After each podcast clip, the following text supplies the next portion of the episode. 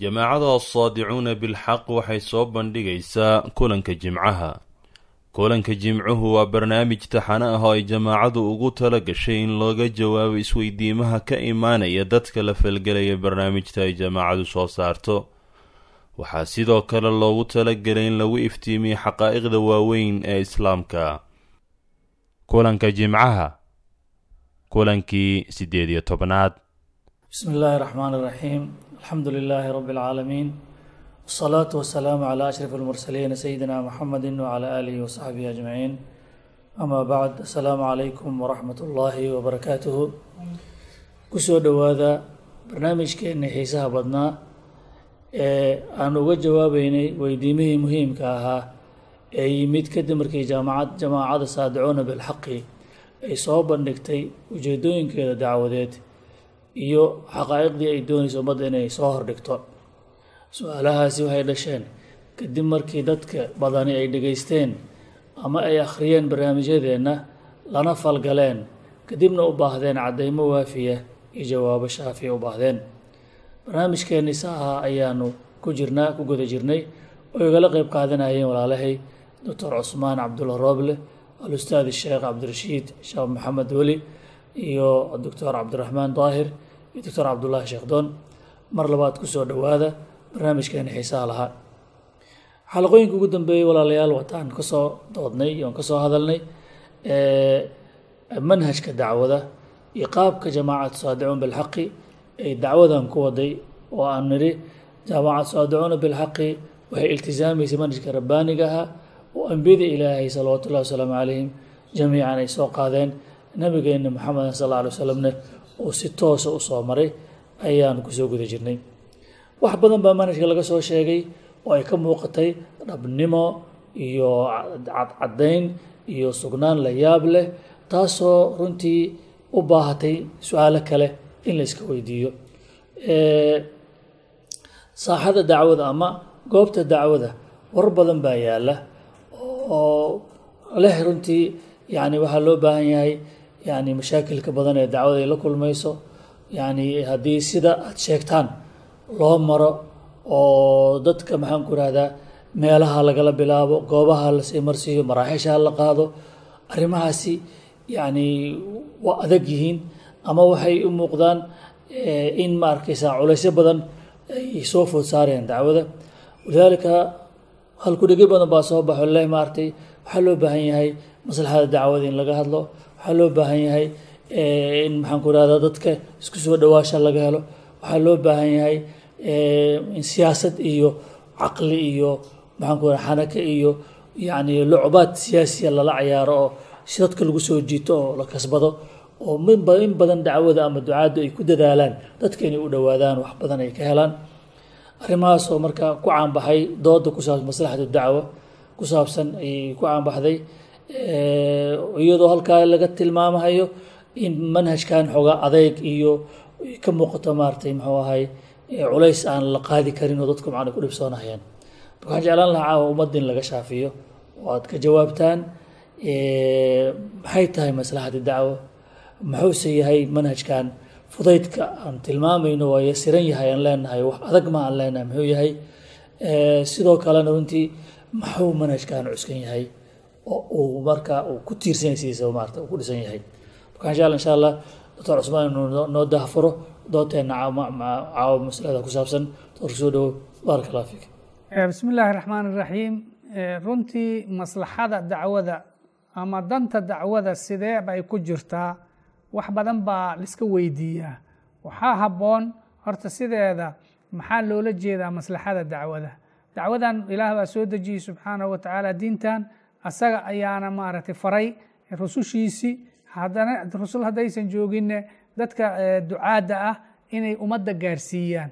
Maadaama marka sidaas ay tahay maslaxada rasmiga ah waxay ku jirtaa in allah subxaanahu wa tacaala sidii uu yiri dadka halaygu gaarsiiyo oo ay ambiyadiisa noo jeexeen in la raaco. Horta sidaasay maslaxada ku jirtaa.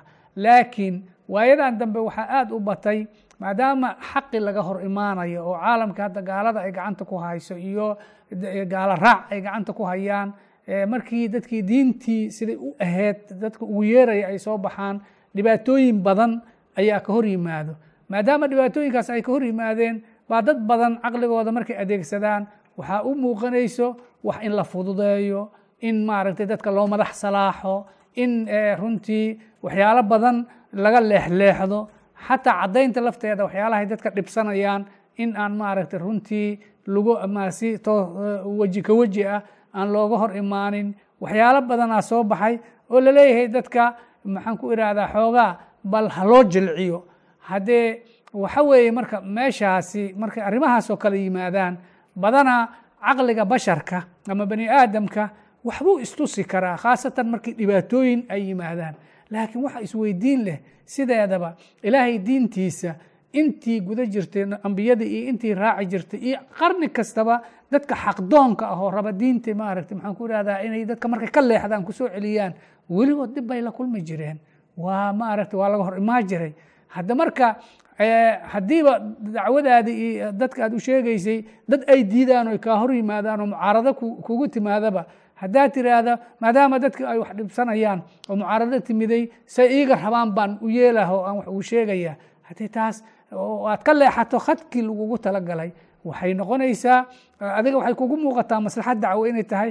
Laakiin waa wax dhaawacaya. Nuxurkii aad rabtay dadka inaad u sheegto oo aad ka badbaadiso khaladaadka iyo waxa ay ku jiraan aad u caddayso oo aad ka leexatay weye dadka waxyaalaha doctore adoo warka sii wataa yacni dacwada ujeedadeedii in laga marhera laga marin habaabaa muuqato. Maxaa loo jeedaa? Dadka in la hanuuniyo oo dariiqa khaldan laga soo leexiyo. Ma waxaa la rabaa dadka in lala jiro oo la dugsado oo la weheshado oo ayagoo khaladkoodii iyo xumaantoodii wato oo sidooda hallaysan la wato oo macnaha la dugsado miyay ujeedadu ahayd macnaha may haddee ugu madax salaax dadka haddii ayaga siday rabaan ha loogu madax salaaxa la yidhaahdo macnaheeda waxa waaye baadilka iyo waxa khaldan oo ay ku jiraan ay iska caadaysteen oo ayaga la fiican yaan laga taataabanin. Oo maxaad soo kordhisay marka toodile haddaad u macaanayso oo adiga oo arkaya wax badan inay ka maqan yihiin waxaas ka maqanna ayaga hadda aysan fahamsaneen oo ay dhibsanayaan haddii waxay dhibsanayaanba waa ka leexanaya aad tidhaahdo maxaad sheeganaysaa dacwada aad rabto. Waxa inaad ka badbaadisa aad rabto. Meesha inaad ka qaada aad rabto iyo meesha inaad u qaada la rabto aad rabto. Intii o dhan baad ka baxaysaa. Marka sideedaba maslaxada rasmiga waxay ku jirtaa dadkaani in runta loo sheego. Waxa ka khaldan iyadoo aan geed looga soo gabanin loo caddeeyo. Qofkii qaadanayana ha qaata qofkii ka tagana ha ka tago. Taas waa qodob qodobka kale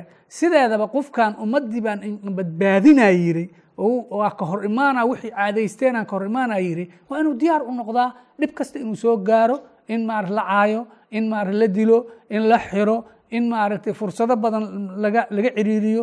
Weligeedna saasay ahaa jirtay dacwo aan loo dhibtoonin oo aan dhib loo marin dheefteedaba lamaba lamaba gaaraba. Taas waxa weeye waa qodob. Haddee in badan dadka madaxda ah iyo dadka wadanka markaas haysta oo ayaga danaha ku wata. Danahooda haddii laga hor yimaado waxa weeye waa diidayaan. Dad badanaa marka maslaxada dacwada waxay ka gashaa dadka madaxda iyo dadka bulshada horjoogayaasheeda ah. Sideedaba ayagaas haddii la helo ummadda inteeda kale oo dhan way soo raacaysaa. Ayagaa lagu dayanaa marka ayaga ha loo madax salaaxo say rabaan ha loo yeelo wax badan oo dhibsanayaan ha laga ilaaliyo taa waa tii nebi maxamed salawaatu ullahi wasalaamu calayhi. Quraysh intay madaxdeedii u soo bandhigtay markii uu is ama wax un loo fiiriyaa aayadaha qur'aanka suuratu israa ku jira aad iyo aad looga soo dejiyey marka macnahan rabna waxa weeye sideeda in la fahmaa maslaxada dacwada waxay ku jirtaa sidii alla ugu talagalay in loo qaato. Saasaynu ku najaxaysaa. Leexasho yar oo laga leexday iyadoo dadka sida waxay jecel yihiin la tixgelinayo in ay taas tahay khatar in manhajkii o dhan laga leexdo diintina ayna markaa meeshaas lagu waayo wixii dhammo ummadda la rabay in la halkaasi marka doctor anaa kusiin doona insha allahu tacaala halkaasi marka markii dacwada la yiri dadka raalli ahaashahooda ha la helo yaan la taataabanin oo yaan mataqaanaa caradooda la helin markii la yiri natiijada maanta dhalatay muuqato waa maxay? Daaciga inuu ku qanacsan yahay dadku inay hor dhooban yihiin oo dhegaysanayaan iyadoo noloshooda waxba iska bedelaynin. Waxaa dhalatay in maanta maalan gabadhu maalan maleeshiya iyo wadamo maanta caalam islaamka lagu tilmaamo ka mid a goonah yar ama kastuumay waddada ku maraysaa. Markaasay masaajid markay timaadana loogu diyaariyo maray dhaadheer oo xerato salaada ku tukato. Sida inay diin u haysta yaa ka dhaadhiciyey? Ninkii gabadha haddaad diinta xijaabka u sheegto tawxiidka u sheegto ku diidaysahay haddayba salaad tukahayso maradaan qaadahayso saas macnihii diinka dha waa marka. Marka runtii marka maslaxadda runtaa ah waxa waaye ambiyada ahaayeen waa laga hor yimid waa la diidi jiray waa la isqabsan jiray. Xaqiiqada yani ujeedada dacwada waxa waaye yool bay leedahay waa maxay dadku inay hanuunaan? Dariiqa ilaahay soo raacan taas marka waa in wax kasta loo huraa oo meel kale looga lehan ah, bismi raxmaan raxiim eh, aad baa u mahadsantihiin khayr allah idin siiyo mowduucan wuxuu runtii eh, muxuu ahaa maaragtay diiradda saaraya in waxyaabo badan ama ha noqoto dadka culummada ah ama ha noqoto caamada inay wax badan iskaga khaldan yihiin. Mathalan mowduuca la yidhaahdo maslaxatu dacwa ama eh, in maslaxatu dacwa ay dadka ka leexiso sida walaalkeen sheegay khadkii saxa ahaa oo ambiyadii ilaahay ay dadka xaqa ku gaarsii jireen ilaahayna noo sheegay subxaana wa tacaala inaan ku dayano annaga oo waajibka nagu ahayd in arintaas iyo ay iskaga khaldanto dadkii ilaahay tawjiiha oo bixiyo ah udcu ilaa sabiili rabbika bilxikmati walmawcidati alxasana mathalan inay soo baxaan maantay eh, culummo magacyaal kala duwan leh oo qaarkood la yidhaahdo culummo muctadiliina waaye eh, culummo mutaطarifiina waaye. Muctadilkii yow noqday sidii walaalaha qoryo socodkii. Nin oo maaragtay mujaaraad suubiyey oo la socda wixii shacbiku jecel yahay ama ay jeceshahay xukuumadda ama nidaamyada jira aanan ka hor imaanayn masaalixdooda oon taabanayn oo lagu rilo geliyey. Sidaa saasaa waxaa loo qaatay maslaxatu dacwa ama xikmaddaba inay tahay loo qaatay. Baynamaa xikmadda saxda ah sida walaalkeen sheegay ay tahay dadka in xaqa loo sheego oo meesha ay markaas wax u marayaan looga bilaabo. Udcu ilaa sabiili rabbika bilxikmati walmawcidati alxasana.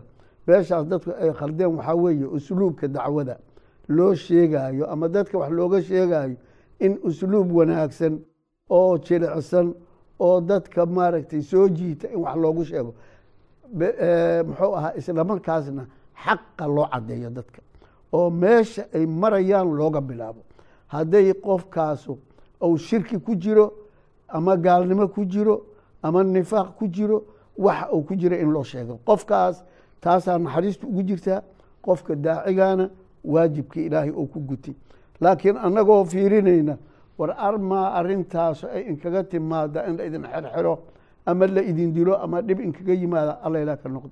War armaa arintaa dadku inka cararaa oo dadkii aada soo jiida weysaan inay arintaas keento.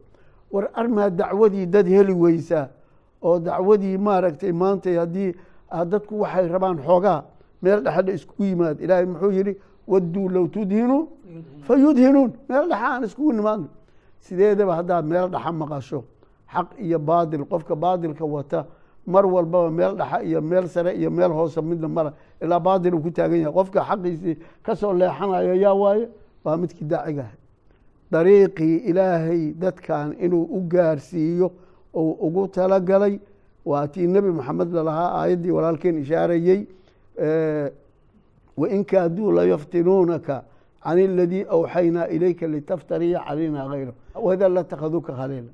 Walowlaa an habatnaaka laqad kidta tarkanuu ilayhim shayئa qaliila wax yar aad ku sigatay maahan inuu leexday waad sigatay yaa liyi markaasna nabigu wuxuu wadaa in dadkaasu ay soo hanuunaan xoogaa wuxuu is yidhi armaa dadkii ku soo raacaan is yidhi ilaahay digniinuu siiyey subxaana wa tacaala digniintii nebi maxamed la siiyey qof walbay u taallaa dadka maslaxada waxay ugu jirtaa annagana ducaadana ugu jirtaa in dadka xaqiiqada loo sheego usluubka loogu sheegayana usluub wanaagsan oo mustawahooda munaasab u ah ou noqdo. Laakiin xaqiiqada la sheegayo xaqiiqada ay u baahan yihiin. Maantay qofka haddii muxuu ahaa dhakhtar loo geeyo oo qaliin u baahan yahay camaliya jaraaxiya oo la qalayo midi la geliyo qofka u dilaya. Maya qofka wuxuu rabaa qofkaas inuu caafimaado rabaa. Baynamaa maaragtay midna uu hal kaniini siinayo. Qofku kaniinigaasu u baahan yahay marka markii qofka uu u baahan yahay wax yar oo umuur farciya inaad ka leexiso umuur farciya ka leexi asalkiiaa u dhisan laakiin asalkii markuu ka hadlaysan yahay haddii aad tiraahdo qofkan muxuu ahaa maaragtay umuur farciyan kala hadlaya wax aad daaweysay ma laha waxaadna rilo gelisay dadka dooqoodii iyo madaxda iyo muxuu ahaa qolooyinka markaas kelimadaadu dhibayso rilahoodii aad gelisay. Maanta walidaalika sida taalla oo saaxada taalla weliba aan maaragtay joogno annaga taalla culummadii in badan oo kamida ay daba kaceen inay rilo geliyaan dadka muxuu ahaa shacabka ah iyo dadka xukumka iyo nidaamka haysta inay ku rilo geliyaan. Waxaan ilaahay rilo gelinayn subxaana wa tacaala oy sidaa dariiqi ilaahay uga leexdaan wax yar waxaan rabaa doctor doctoorka wuxuu keenay bucdi kale ayuu keenay oo nagu tusaaleeyey sideedaba in farqi u dhexeeyo sideedaba mogtahay. Dadka xaqa waa in loo sheegaa siduu yahay loogu sheegaa sidaasaa ilaahayna faray maslaxadda dacwaduna saasay ku jirtaa. Marka taasi marka macnaheeda oo amaha maaragtay yani xikmadda iyo leynka iyo turidda iyo naxariista diintu ka hadashay oo nabi muuse la yidhi mataqaanaa yani yani faquulaa lahu qowlan layinan lacalahu yatadakaru aw yakshaa la yidhi in macnahaasi dalqaato loo deliishado in baarlamaan la aado loo deliishado macnaha maxkamadaha yani dowladihii hoostida in laga galo macnaha dhibaato si looga caro loo deliishado shacbiga in raaligeliyo aan xumaantii looga digin taasi shaqa iskuma laha. Arrintaasi diinta iyo manhajka ka tahay naxariista jacaylka khayr jacaylka caadifada wanaag uhaynta dadka waa akhlaaqda daaciga laga doonaayo ummaddu inuu kula dhaqmo. Marka waa inay kala soocanta ummadduna ogaataa akhlaaqda daaciga oo dadka wax ugu sheegaayo oo kula dhaqmaayo usluubka wax u sheegaayo manhajka u waafaqsan tahay iyo in maxaan ku ihahdaa nidaamkii gaalada loo tanaasulo oo dariiqii laga leexdo iyadoo maslaxad lagu gambanaayo wax shaqo iskulamaha taas markay kala cadda aad iyo aad waxaan ku dari lahaa tusaale maarata nabiga calayhi salaatu wasalaam ka dhacay oo arrintan macnaha ku saabsan maslaxada dacwada. Hadduu qofka xataa uu caqliyan u arko in macnaha ay sidaas fiican tahay. Rasuulka ilaahay baa laga yeeli lahaa salawaatu ullahi wasalaamu caleyh laakiin waxaan ognahay markuu ninkii u yimid cabdullahi ibnu maktuum in dhoolaha ahaa oo yaa rasuul callimnii mima callamaka allah oo isagan uu ku mashquulsan yahay macnaha kubaraa quraysh. Nimankii madaxda ahaa. Rasuulka mataqaanaa maarata waxaa uu ka jeedsaya ilaahay subxaana watacaala darsi oo macnaha waxaa weeye oo lama iloobaana ayaa nabiga calayhi salatu la siiyey. Cabasa watawallaa an jaa'ahu alacmaa wamaa yudriika lacalahu yazakaa aw yadakaru fatanfachu dikra ama man istaghnaa faanta lahu tasadaa wamaa calayka anlaa yazakaa waama man jaaءaka yascى wahuwa yakhsha faanta canhu talaha kalaa inaha tadkira runtii nabiga calayhi salaatu wasalaam wixii intaa ka dambeeyey wuxuu dhihi jiray marxaban birajul ladii caatabanii rabbi markuu arko maxaa yeele nabiga calayhi salatu wasalaam haddii la fiiriyo waxa uu ku mashquulsanaa waa yani hamu dacwe dacwaduu ka fikiraya macnaha maslaxadeen ay ku jirto nimankan madaxda hadday soo raacaan quraysh o dhan baa macnaha maarata ku daba safan. Yani macnaha waxaan ka wadaa ijtihaadka rasuulka markii la fiiriyo mantiqiyan wax fiican buu ogyahay. Lakiin ilahi subxana watacaala muxuu rabaa khadka oo macnaha maarata oo xaqdoonka ah inaan laga leexan. Ninkaan indhahala oo xaqa raadinaya ayaa boqolkiiba boqol ilah agtiisa kaga qiimo badan. Kuwan macnaha isla waaweyne leh kuwa fuqarada macnaha la fadhiisan mayno annaga ba inaad majlis gaar noo samaysaa. Marka runtii haddii rasuulka alayh slam laga diiday macnaha ma dadkii ka soo xasaarmi laga yeeli maarta. Marka runtii taas waa inaan ogaanaa annagu waxaan nahay ma'muuriin wamubu xaysu tu'maruun. Wuxuu ilahay na faray aan ku soconaa la ramaane annaga caqliga annaga inaan u bandhigna dacwada sideedaba kuma jirto maarta runtii. Jazaak allah khayr barak allah fiik. Bismi illahi raxmaan raxiim maslaxati daawa miciyaaray leedahay. Miisaan lagu miisaamo. Miisaan halbeeg lagu cabiro halbeega lagu cabirahayana waxaa weeye in manhajkii alle uu rasmiyey la raaco. Marka laga hadlahayo xikmad udcu ilaa sabiili rabbika bilxikmati waalmawcidati alxasanati marka laleeyahana dad baa waxay u fasireen xikmadu inay ku jirto liim hadalka loo qaboojiyo qofku waxuu ka cararahayo laga ilaaliyo waxyaalaha waaweyn aan lala taaban waxyaalo yar yaroo la is leeyahay kama didahayo in looga bilaabo. Xikmada allah subxaanahu wa tacaala iyo tadbiiqii nabiga iyo ambiyadu ay maarata tadbiiqiyeen oo xikmad dadka ugu yeerahayay rasuulkii lagu soo dejiyey aayaddan ayaa waxaa weeye tadbiiqeedii noo caddeeyey. Allah fasiray subxaanahu wa tacaala hadba meeshii dadku joogaan iyo meeshay marahayaan iyo mowqifkii sida uu yahay hadal munaasab u ah ayaa xikmadu ay tahay.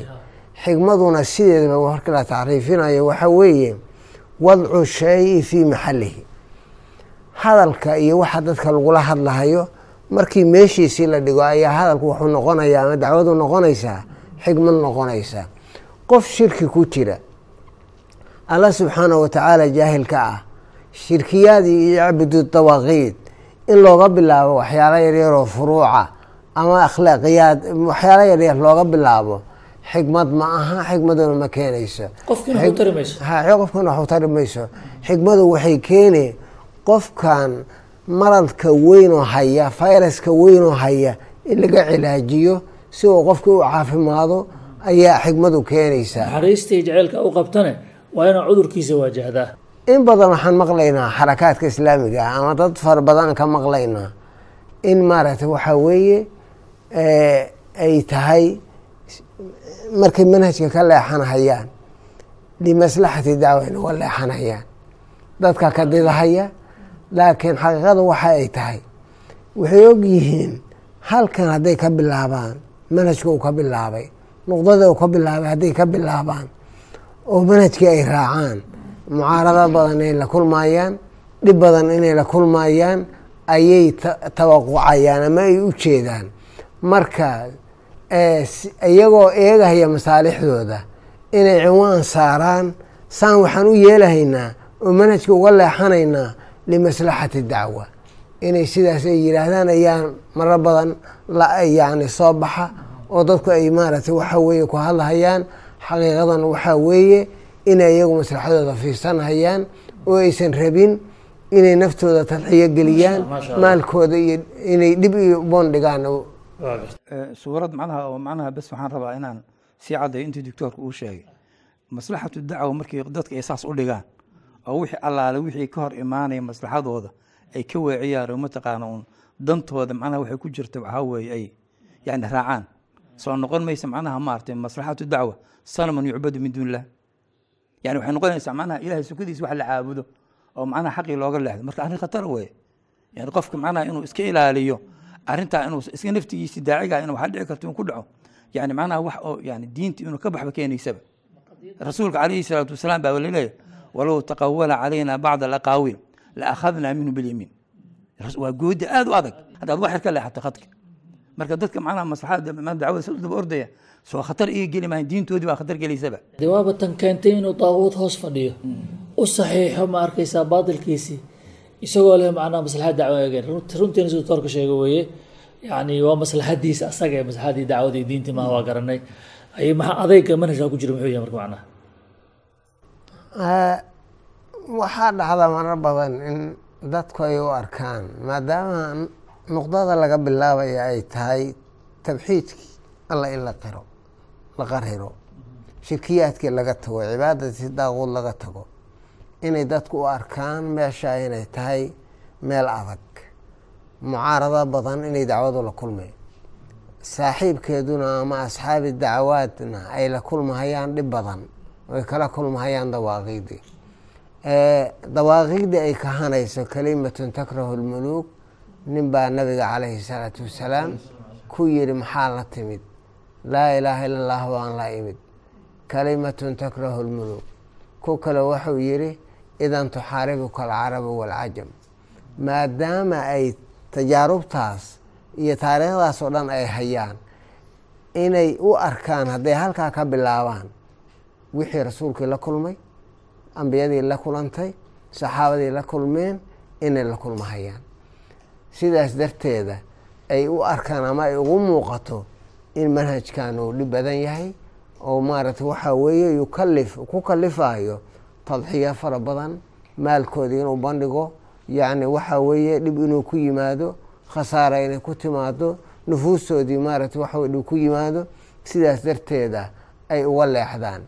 Xaqiiqaduse waxa ay tahay maca annahu manhajkan oo waxaasoo dhan ku kalifaayo sababtoo ah gaayo weyn ayuu u hadfayaa bashariyada inuu badbaadiyo ayuu u hadfayaa uu ka badbaadiyo jaahiliye uu ka badbaado kufri uu ka inqaadiyo meesha ay ku jiraan wahdada ay ku jiraan. Isagoo sidaas samaynaya manhajka uu yahay haddana waa sahlan yahay waa muyasar allah subxaanahu watacaala baa noo sheegay. Taariikhdii ambiyada ayay ka muuqataa taariikhdii dacwaadkay ka muuqataa inuu yahay manhaj sahlan oo muyasar ah. Dadka ku sahlan inay maaragtay waxa weye dhegaystaan xaqa loo sheegahayana inay fahmaan. Xaqaa'iqda caddaynteedii ku sahlan ka bilaabaya meeshii ay ahayd in laga bilaabo oo dadku ay ka jiranayeen fidradii la socdo fidradii ay aqbalayso yacni waxa weeye qofkana ka daadihinaya gacantana ka qabanaya meesha hadba uu joogo. Ku sahlan oo maaragtay waxaa weeye tadbiiqiisuna uu sahlan yahay. Yacni waxaa weeye ayaa ka muuqata manhajkan iyo taariikhdiisa ka muuqata. Waxaa kaloo maaragtay waxaa weeye aan marnaba aan qarsoomaynin manhajkanu inuu yahay manhaj rasiidka uu ictimaadayo ama kaydka uu ictimaadayo inuu yahay rasiid ilfitra fidrada bini aadamka ayuu maaragtay waxa weye ictimaadayaa wuxuu ictimaadayaa haddana juhdiga ay bixinayaan dadka ducaadda ah ayay maaragtay waxa uu ictimaadayaa basharkana allah subxaanahu watacaala iyo dadka ducaadda ah wuxuu garana yaclam illah wuxuu og yahay intay la eg tahay intay qaadi karaan intay maaragtay waxaa weeye ay qaban karaan.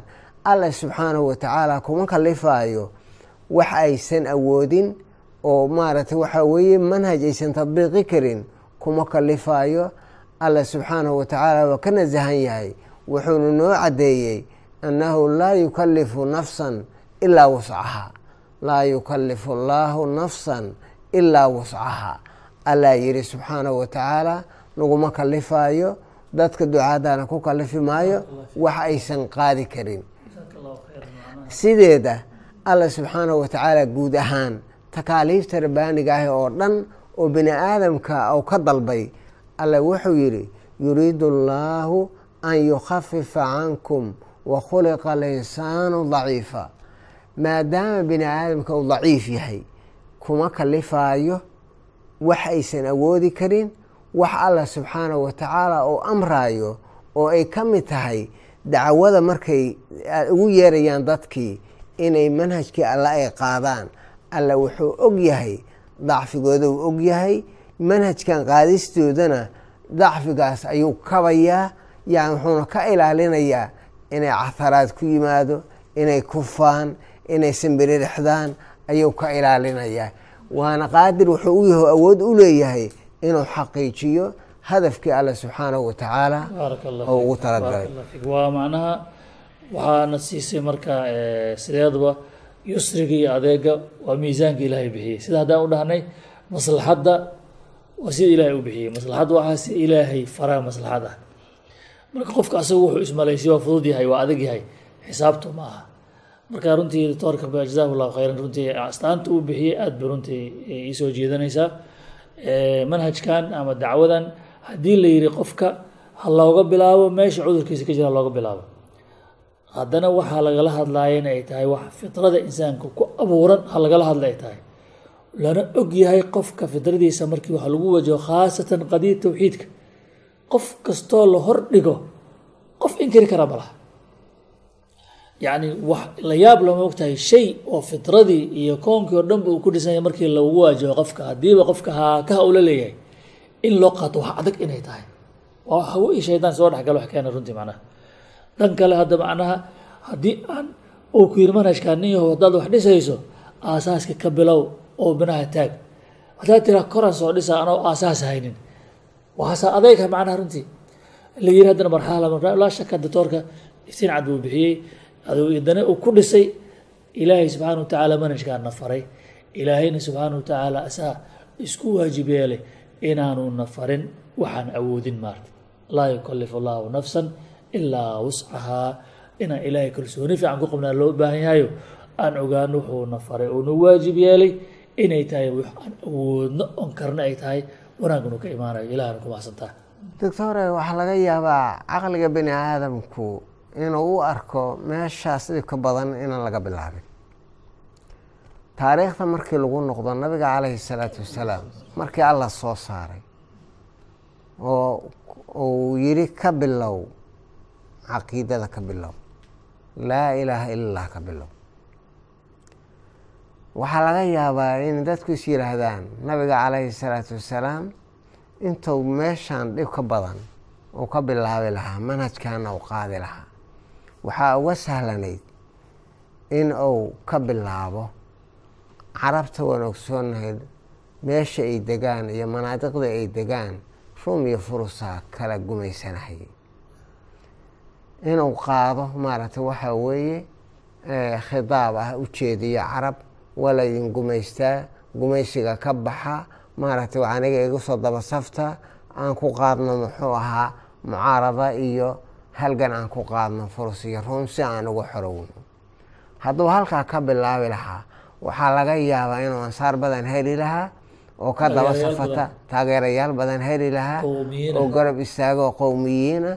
Markii uu ka xoreeyo furus iyo ruum uu ku soo jeesto uu yidhaahdo marka nufuudkii uu helay waa inaan diinta ilaahay raacnaa dadkii uu ku khasbaa uu ku tadbiiqiyaa nufuudka iyo maarata baawarka uu helay marka taas ilaahay looma hogaansaman asaga loo hogaansamay Asagaa loo macnaheed. iyadana hogaansamay. nafteeda shirkiga laga ordaya ka mid tahay.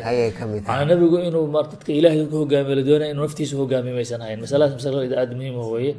Oo loo arka insha allahu taala aad iyo khatarta u tahay. Waxaa kaloo laga yaabaa hadduu samayn lahaa waqti wuxuu yimid dadka ay fuqara ay yihiin yacni xaala maarata faqriga uu jiro haddii uu qaadi lahaa ama khidaaba u jeedin lahaa dadkii maarata waxa ijtimaaciyan waa in dadkii loo naxariistaa waa in la bixiyaa baaqi xoogsatada iyo maalqabeenka iyo hantiwadaag oo kale. Waa in lagu kacaa kuwaas. Inuu borletariatka la soo saaro laga horkata laga hortagaa shi- muxuu ah burjuwaasiyada xoogga leh laga hortagaa waxyaala badan imaan kara waa macnaha taas oo kullu daalika alla ma amriso aad iyo aad aad iyo aad aad iyo aad aad iyo aad. Wuxuu amray laa ilaha illa inuu ka bilaabo. Markuu ka bilaabana mirihiisii baa la arkay ardadii maarata fursi rum waa ka xorowday. Ay. dadkii maarata waxuu faqr shar oo dhanna waa dhammaatay shar oo dhan waa dhammaan aad iyo aad Eh, waxaan ku dari lahaa dictoorka macnaha hadalkaas wanaagsan isu jira maarata diinta ilaahay waxaan ka baranay oo macnaha ilaahay uu noo sheegay. Koonkan macnaha allah maamulo oo faacil xaqiiqi isaga ah.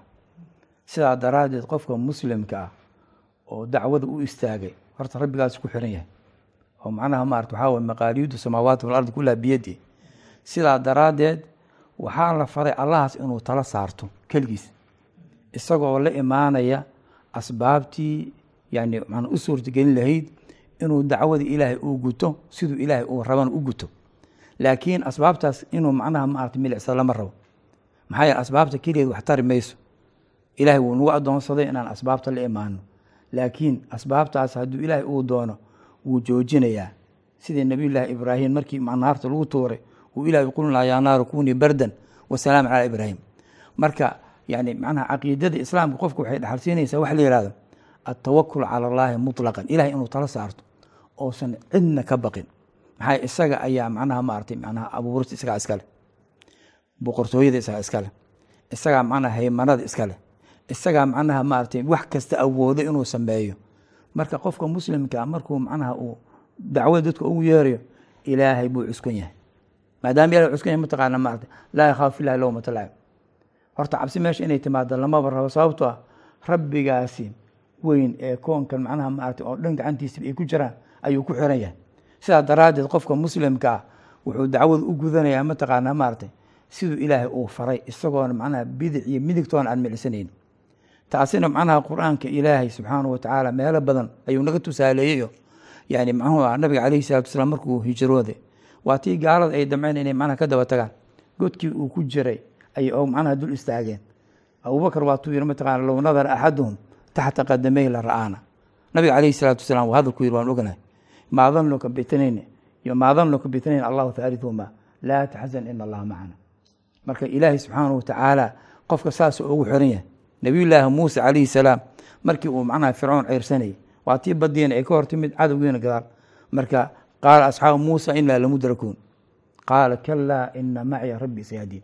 Marka qofka muslimka ah sidaasaa laga rabaayo yani caqiidadaas oo macnaha maarata waxaa weye awalan way xoreyn isaga. Cabsi dhan bay ka xoreyn midda labaad ilaahay buu macnaha maarata hoosta ka geli laa malja'a walaa manja minhu ilaa ilayh walaa mahra walaa fawt. Yani meel aad oga baxsanaysa sidaa daraaddeed qofka muslimka waxaa laga rabaa ficile saa ilahay mar iskugu dhiibo. Ximaayad ilaahay buu geli. Shakina kuma jiro. wax kaleento oo macnaha qofka macnaha hor imaan karta. Sideeda male haddii qof uu bani aadamka uu ka baqayo macnaha caqiidatu macnaha fiiha dakhal. Waa inuu macnaha isku laabto wey haddiiba cabsiba ay timaado oo qof bani aadam aad ka baqdaaya yani waan ognahay nabiga alayhi salatu wasalam markii uu meesh geedkii macnaha maarata uu haraysanayay uu ninkii caraabiga intuu seefta la soo baxo yidhi "Man- man yamnacuni minka allah allah wataala xaadir fii qalbihi ilahi waxaan ka rajaynayna horta caqiidadaas wanaagsan inuu qalbigaana ku xasiliyo aanan ka baqin cid kaleento oo diinta ilaahayna siduu ilaahay u raba aan u gudanayo isagaana mataqaanaa amarka oo dhan iskale hadduuna doono macnaha waxaa weye shuhadaa buu macnaha uu ka dhigi karaa dadkan o dhan hadduu doono macnaha gargaar buu siin karaa labada macnaha waa nasr macnaha yani ixdal xusnayn baa qofka muslimka ah hortaala inuu macnaha guuleysto ama inuu shahaado qaato labadan waa liibaan marka maxaan ka baqaynaa marka? Jazaaka allahu khayran. Warkaas wuxuu xasuusinaya doctorka. Fadl doctor. Manhajkanu marka wuxuu leeyahay dabeeca tawakuliya qur'aanka waxaa ku badan markuu ka soo sheekeeyo awaamir ou siiyo wacala allaahi fatawakkaluu in kuntum mu'miniin. Wacala allaahi falyatawakal ilmu'miniin allaha khayran. Macnaha waxaa weeye wuxuu dareensiiyey sheekh cabdirashiid jazaa allahu khayran. Xaqiiqo oo caqiide oo tawxiid ah oo oo runtii na dhalaalinaysa ficlan maarta baaraka allah fiih sideedana moogtahay daaciga markii hawsha uu wado iyo barnaamijka uu wado uu asaga taagtiisa iyo tabartiisa iyo caqligiisa un uu ku tashanayo oo uu haddee mataqaanaa yacni tadbiiraadkiisa iyo taxliilaadkiisa iyo xeeladaha uu samaysanayo keliya ay barnaamijkiis ku dhisan tahay cadowga ka soo horjeedan uu ka tira iyo xoog badan yahay inuu saa u fikiro uu lumayo wax imaanayo runtii macnaha. Laakiin markii daaci uu ogsoon yahay muhimadan uu wado horta yaa yaa yaa u dirsaday. Allah baa u dirsaday subxana wa tacaala muhimadan uu wado yaa tiir u ah allah baa tiir u ah subxana wa tacaala muhimadan uu yuu la uga doonaya allah buu uga doonaya subxaana wa tacaala dadka uu rabo inuu wax u sheega yaa hanuuninaya allah baa hanuuninaya subxaana wa tacaala dadka yaa baadida iyo sharta ka ilaalinaya allah baa ka ilaalinaya horta qodobkaas runtii hamigaas macnaha uu ku taagan yahay xisaabtu way isbedelaysaa markaa xisaabtu waxay noqonaysaa markaa wixii lay faray aan qaado. Asbaabtan aan samaynayo ilaah ay fara mooye wax ii tara mayso laanna qur'aanka sida sheekh hadduu noo sheegay jazahu khayran waxa uu maaragtay inagu barbaarinayo aayaadkiisa. Dhanba runtii intuu hadlayo aada runtii ugu soo degay. Macnaha waxa weeye waaba caqiidada asaasiga ah. Sideedaba faaciliyada dhabta allah iskale qofka mu'minka marka waxa uu helayaa maxaan ku ihahdaa inuu kalsooni buuxdo uu ku qabo inuu ilaahay isu dhiibo amarkiisa u daayo. Wixii la faray ay waajibaad intuu la yimaado uuna isku halayn ilahay isku haleeyo yuu isku haleeyey allihii mulkiga lahaa awoodda lahaa cilmiga lahaa xikmadda lahaa ka warqabay ee asaga noloshiisa ogaa. Runtii marka yacni meel uu isku hubo ayuu isku haleeyey runtii markaa noloshiisa nolol degan bay noqonaysaa runtii inuu geesi ahaado.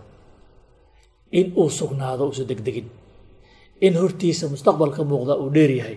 Intuu waa caqiidaa sida laysa macnaha macnaha runtii in manhajka lagu soo daro dacwada la soo geliyo qodob aada iyo aada muhiim ah weeye walidaalika marka muxuu ahaa dacwadan iyo xarakada inta ilaahay na- naga subxaana casa wajal waxay na baraysaa inaan runtii meeshaan isku halaynayna allah uu yahay subxana wa tacaala dariiquna markaa waa dariiq fudud ilaahay baa na faray waa fudud yahay. Maslaxada dhabtaana waxay ku jirtaa ilaahay in loo hogaansanaado. Waxaan is leeyahay insha allahu tacaala masalada aad baa loo waafiyey aad baan insha allahu tacaala loo cadeeyay dadku rajeynaya aad u gartaan hada wabilahi towfiiq asalaamu calaykum waraxmatullahi wabarakatu هذا بلاغ للناس ولينذروا به ولينذروا به وليعلموا أنما هو إله واحد وليذكر أولو الألباب